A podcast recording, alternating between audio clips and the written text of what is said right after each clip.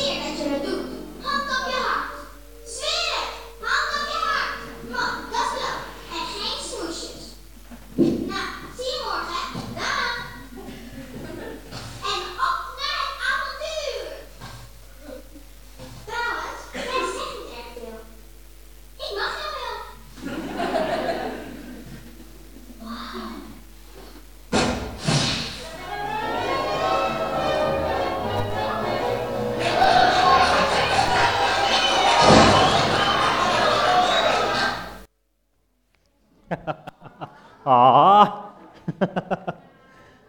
nou, wat een leuke kennismaking. Carl en Ellie. Ze ontmoeten elkaar als ze jong zijn en ze zijn allebei dol op avonturen. Ze dromen van de paradijsrots, daar willen ze naartoe. Natuurlijk gaat dit verhaal een beetje verder. En als je film gezien hebt, dan weet je het. Ze gaan trouwen. En ze hebben grote plannen en ze willen graag een gezinnetje stichten. Maar ze krijgen het nieuws dat kinderen krijgen niet, niet lukt. En ze moeten hun avonturen bijstellen. En zelfs die reis naar Paradijsrots zit er niet in, gaat niet lukken. En ze worden oud. En helaas, lieve Ellie overlijdt. En Carl blijft achter. Hij heeft geen vrouw meer, geen werk meer, geen dromen meer. Daar zit hij dan. Nou, in de Bijbel staat ook zo'n soort verhaal. Beetje anders, maar wel hetzelfde soort verhaal. In de Bijbel staat een verhaal over Mozes. Mozes leefde lang geleden, meer dan 3000 jaar geleden. Hij werd geboren als een Joods jongetje in Egypte. Want het volk van Israël waren slaaf in Egypte. Hij groeide op in het paleis van de farao. Misschien ken je dat verhaal, dat hij werd gevonden in, in de rivier, in dat biezenmandje. En dat hij opgroeide als prins in het hof van de farao. En toen hij een jaar of veertig was, ging hij lopen en hij zag in één keer zijn eigen volk. Misschien kunnen we dat samen lezen. Exodus 2 staat dat. Op een keer kwam Mozes bij de mensen van zijn eigen volk. Hij was toen al volwassen. En hij zag hoe hard de Israëlieten moesten werken. En hij zag ook dat een Israëliet geslagen werd door een Egyptenaar. Mozes keek om zich heen en zag dat er verder niemand in de buurt was. En toen sloeg hij die Egyptenaar dood. Hij verborg hem vlug onder het zand. En de volgende dag zag Mozes twee Israëlieten met elkaar vechten. En hij vroeg aan de man die begonnen was: Waarom sla je iemand van je eigen volk? En die man zei: Waar bemoei jij je mee? Wie zegt dat jij de baas bent over ons? Wil je mij soms ook doodslaan, net zoals die Egyptenaar? Mozes schrok. Hij dacht: Oh, de mensen weten dus wat ik gedaan heb. En toen ook de farao hoorde wat er gebeurd was, wilde hij Mozes laten doden. Dus Mozes vluchtte en hij ging naar een land ver weg, naar Midian. Daar ging hij zitten bij een waterput. Mozes had ook een droom. Toen hij zag dat zijn eigen volk werd mishandeld, wilde hij ze bevrijden. Hij wilde dat ze niet langer slaaf zouden zijn. Hij wilde dat ze niet in onderdrukking zouden zijn. En hij, hij begon wat te doen. Hij sloeg iemand dood, maar daar stopte het dan ook. En zijn droom viel in duigen. Hij moest vluchten. Hij moest het land uit. En daar zat hij. Letterlijk bij de put. Zijn droom was dood. Net zoals van Carl. Het avontuur was voorbij. Het zou allemaal niet meer gaan lukken. Bitter, verdrietig en alleen. Maar dan, zullen we gaan kijken hoe het verder gaat bij deze film?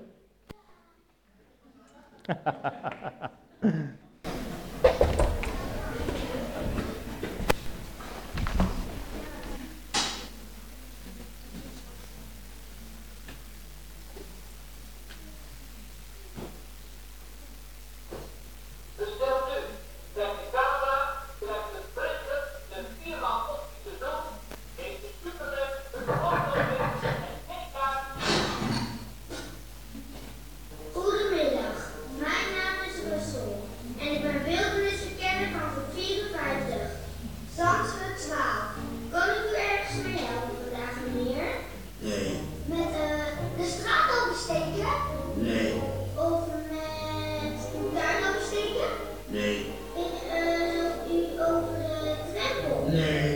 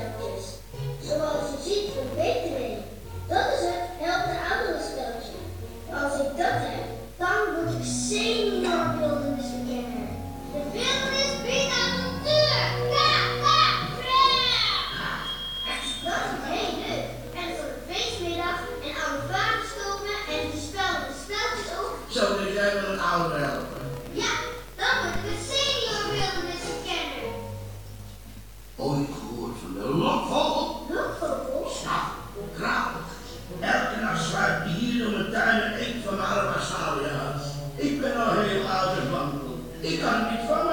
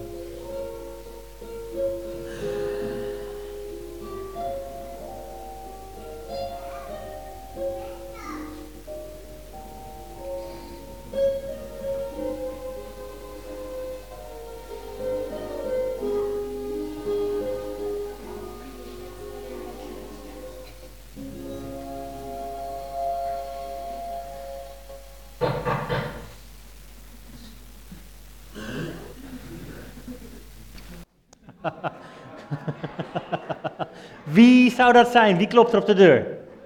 Russell klopt op de deur. Ja, goed geraden natuurlijk. Zit hij dan, die Carl.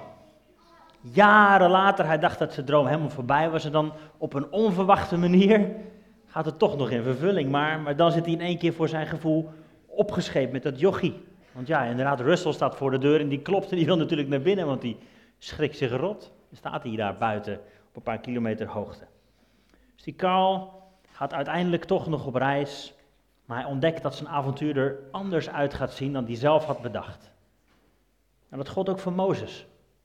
Mozes zat dus bij, die put in Midian, een land ver weg, met een gebroken droom. Hij, hij wilde zijn volk helpen, maar op- uit eigen kracht lukte hem dat nooit.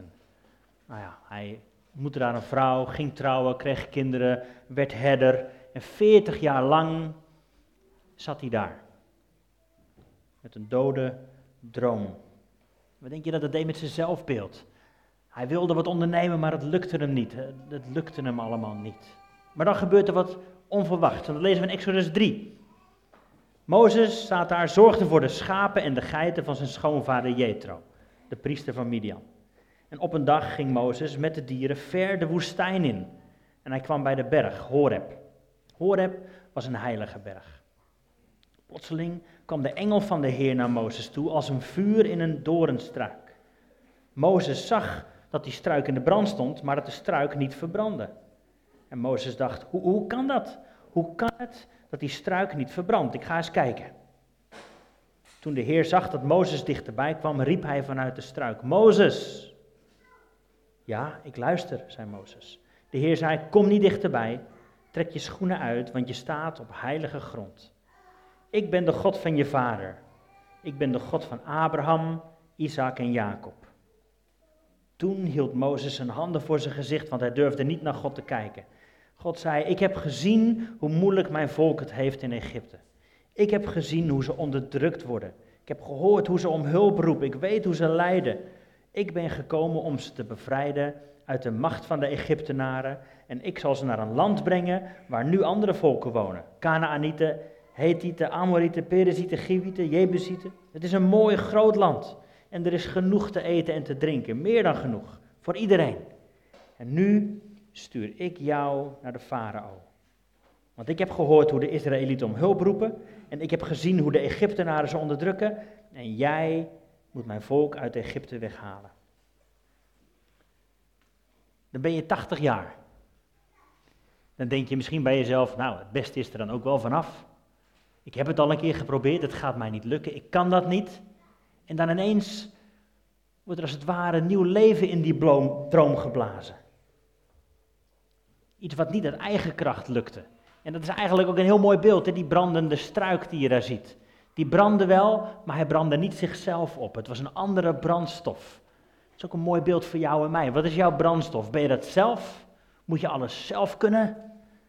Of heb je een andere brandstof die je levend houdt? Heb je de geest van God die je als het ware brandstof geeft om maar door te kunnen gaan met de droom die je hebt? Hij raakte niet opgebrand. Ik moest denken aan de tekst die staat in Psalm 37. Verlustig je in de Heer, staat daar. Dat betekent zoiets als schep je vreugde in de Heer of zoek je geluk in de Heer. En Hij geeft je de wensen van je hart. Nou kun je er op verschillende manieren naar kijken, maar voor mij betekent het dit. God zelf geeft jou de wensen in je hart.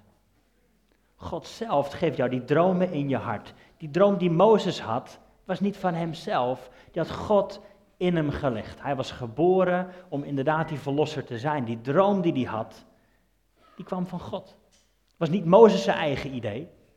De manier waarop hij ermee omging uiteindelijk wel, door iemand snel neer te slaan en te kijken. Dat was zijn eigen idee. Maar die droom die God in hem gelegd had, die was echt en die was groter dan hij zelf. Maar Mozes mocht leren dat hij het niet op zijn eigen manier kon doen, maar samen met God mocht doen. En het andere verhaal, ken je dat?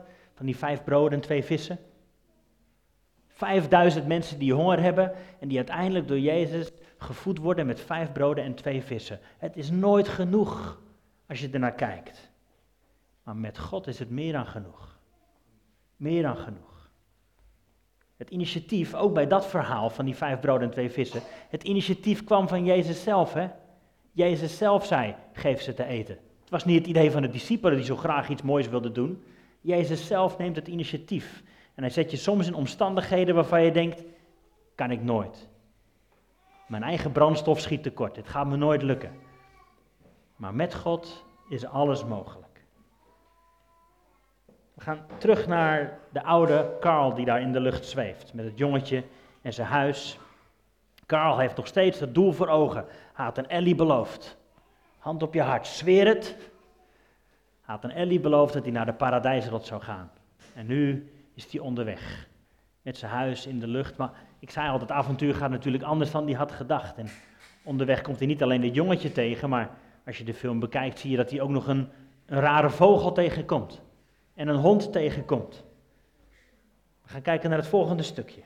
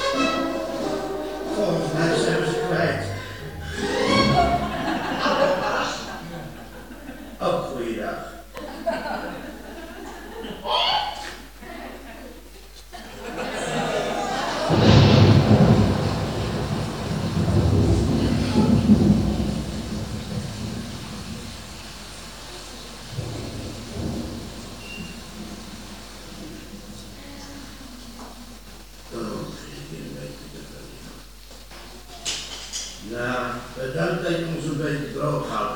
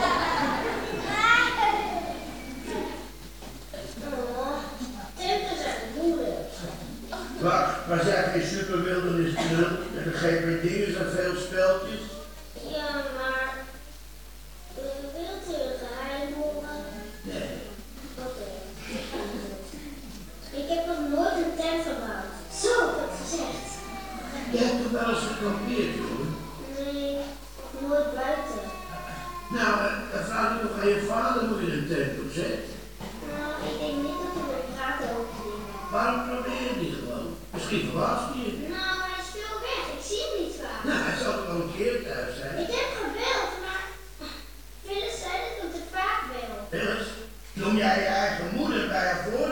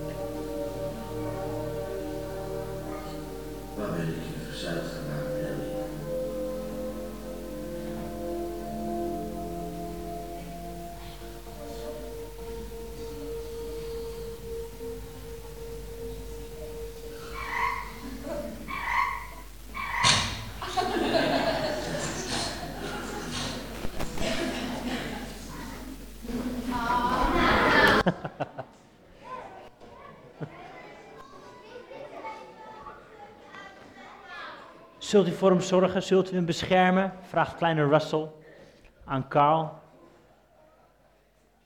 En in één keer ontdekt Carl, ja, die droom die ik had, ik wilde dat avontuur, ik wilde naar die paradijsrots, die gaat niet langer om mij. Dat is ook apart. Hij had een droom, hij wilde wat bereiken, hij had het beloofd. Heer, wat is uw plan met mijn leven? Ken je dat? Zulke dromen, zulke vragen. Voor je het weet sta je zelf in het centrum van jouw avontuur. En dat ontdekt Carl hier. Dat het eigenlijk niet helemaal meer alleen maar om hem gaat, maar dat hij, dat hij nodig is voor iemand anders. Die, hond die heeft een baasje nodig, die, die vogel heeft bescherming nodig. En die jongen, eigenlijk heeft hij een vaderfiguur of een, een opa-figuur nodig in zijn leven. En Carl ziet, het gaat niet meer helemaal alleen om mij. Mijn avontuur gaat er anders uitzien. Er zijn anderen bij betrokken. Hetzelfde zien we in het leven van Mozes. Hij wilde ook zo snel mogelijk zijn volk bevrijden. Hij zou het wel even doen. Maar het ging niet op zijn manier, maar op, op Gods manier. En dan in één keer ontdekt Mozes, dit kan ik helemaal niet zelf. Hier heb ik God bij nodig. Dat was al bij de, bij de tien plagen natuurlijk, maar ook de hele reis daar naartoe naar het beloofde land, die 40 jaar. Maar dan vraag ik me af, hoe zit het met, met jou en mij?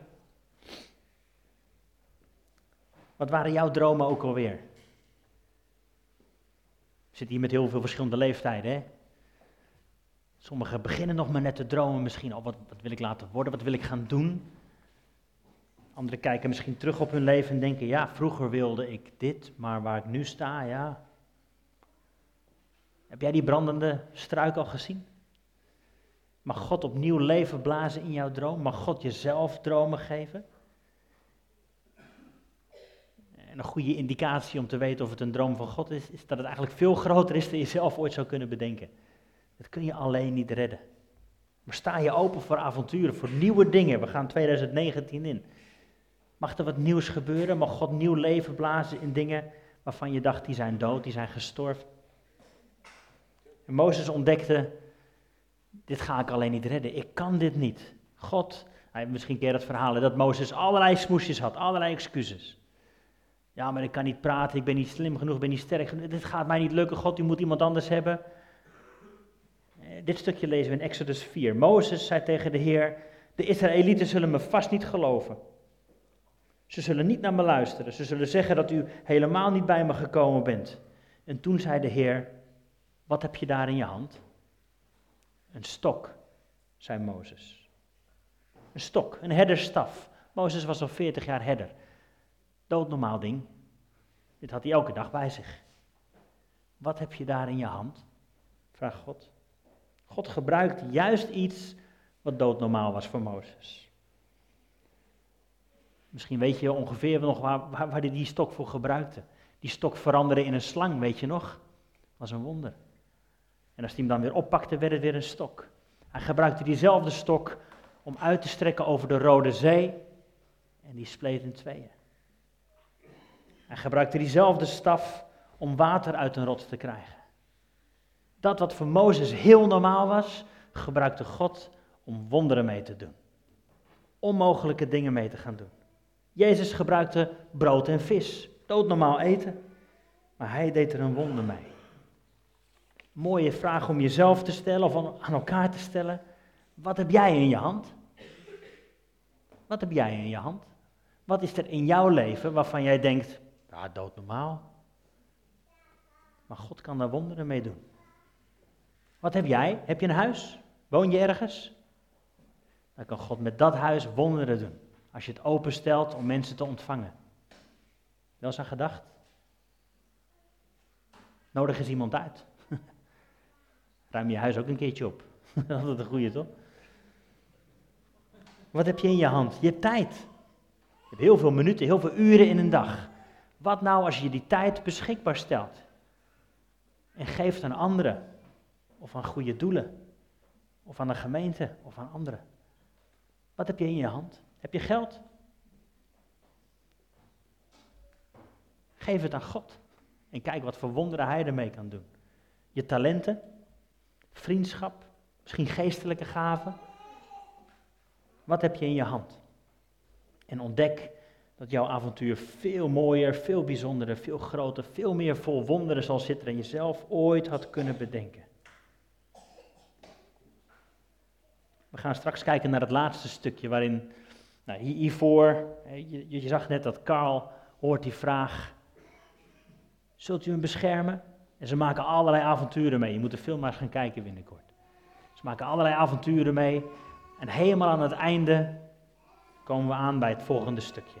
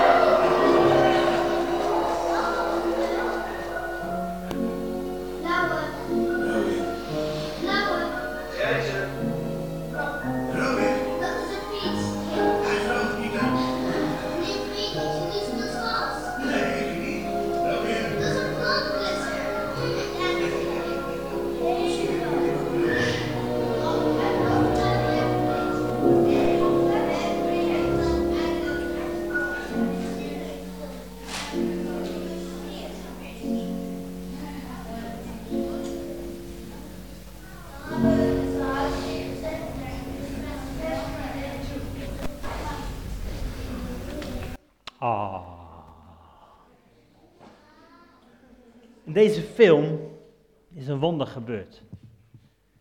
Deze film heeft een kleine jongen een opa gekregen. In deze film heeft een hond een baas gevonden en een vogel zijn vrijheid. En in deze film heeft een oude man ontdekt dat zijn droom nog veel mooier kon worden dan hij zelf had bedacht.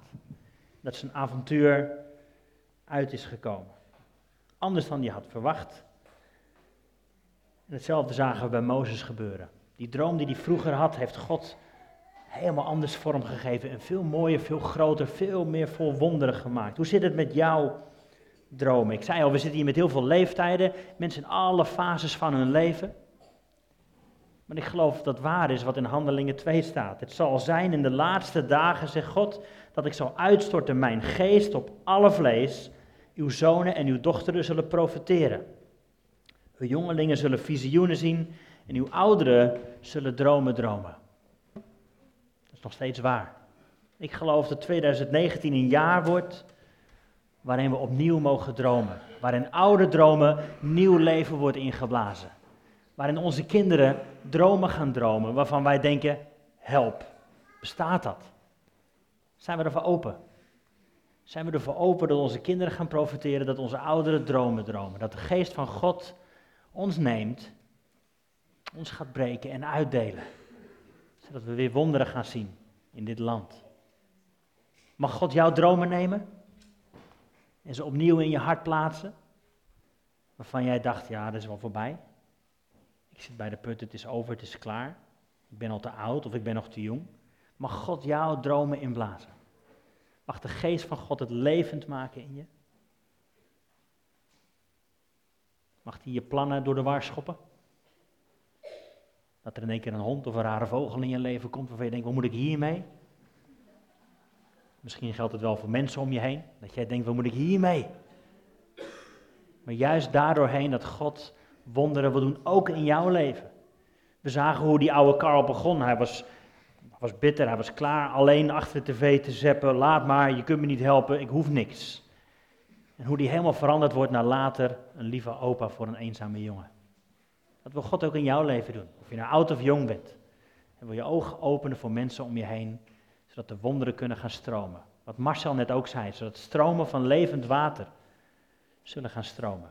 Gaaf, wat Suzanne vertelde. Ze hadden van tevoren gebeden welke mensen ze mochten gaan aanspreken op straat. En stuk voor stuk hadden ze al mensen gezien in hun dromen. Ze wisten al, er komt zo en zo'n man aan met zo en zo'n jas. En ja hoor, daar kwam die voorbij. God wil dromen gaan opwekken in ons leven. Stromen van levend water. Zullen we gaan staan en wil ik voor je bidden.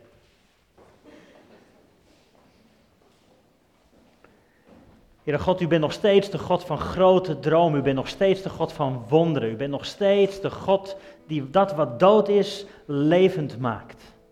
U bent nog steeds Immanuel, God met ons. Licht dat doorbreekt in de duisternis. U bent nog steeds de God die geeft alles wat we nodig hebben en veel meer dan dat. Maar vaak op een hele andere manier. We willen u uitnodigen, Heer, zoals we hier staan aan het eind van dit jaar, aan de vooravond van 2019, Heer. Neem onze dromen alstublieft. Of we nou jong of oud zijn, kind of volwassen. Neem onze dromen en blaas het nieuw leven in. Dat was wat we zelf alweer vergeten waren misschien. Wilt u onze dromen nieuw leven inblazen? U belooft het in uw woord. We zullen visioenen zien, we zullen profiteren, we zullen dromen dromen. Niet omdat we zelf zo graag iets willen bereiken, maar u bent uw koninkrijk aan het bouwen. En de macht van de hel zal het niet tegen kunnen houden. We willen zeggen, Heer, zoals we hier staan, gebruik ons in uw koninkrijk. Neem ons leven en bouw het in uw koninkrijk. Opdat de wereld weet dat Jezus leeft. Amen. Amen. Als jij nou bij jezelf ontdekt, hey, ik, uh, ik weet eigenlijk helemaal niet zo goed wat het is, leven met God. Leven met zo'n droom, leven met die andere dimensie in mijn leven. Dan willen we graag voor je bidden, met je doorpraten. Kom straks naar voren. Geen vraag is raar, maar we willen graag met je aan, aan de praat. En als je merkt, ja, mijn dromen waren inderdaad dood. Onder het stof, het was klaar. Kom dan naar voren en laat met je bidden. Laat Gods geest opnieuw over je heen stromen. Als wind, als water je schoon was. is ook voor jou. Amen. Oké, we gaan afsluiten met een lied.